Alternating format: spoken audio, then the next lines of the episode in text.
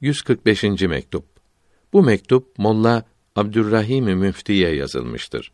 Bu yolun büyükleri yolculuğa alemi emriden başladıkları bildirilmektedir. Allahü Teala bizi ve sizi İslamiyetin caddesinde bulundursun. Ala sahibe salatu ve selamu ve tehiyye. Bu duaya amin diyen kuluna merhamet eylesin. Bu yolun büyükleri Kaddesallahu Teala esrarehum bu yolculuğa alemi emrden başlamayı seçmişlerdir. Böyle ilerlerken alemi halk da birlikte geçilmektedir. Başka tarikatlerin büyükleri böyle yapmamıştır. Onların yolculuğu alemi halktan başlamaktadır. Alemi halk yolculuğunu bitirdikten sonra alemi emr yolculuğuna başlarlar ve cezbe makamına kavuşurlar.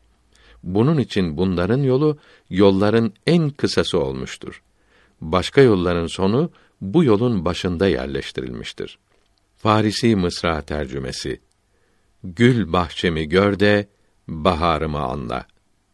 Bu yüksek yolun talebelerinden birkaçı yolculuğa alemi emriden başladıkları halde çabuk tesiri görünmüyor. Cezbenin başlamasında hasıl olan lezzeti, tatlılığı çabuk duyamıyorlar. Çünkü bunlardaki alemi emr alemi halktan zayıf olmuştur. Alemi emrin bu zayıflığı cezbenin tadını duymalarını geciktiriyor. Bunların alemi emrileri alemi halklarından daha kuvvetli oluncaya kadar bu duygusuzluk sürer gider.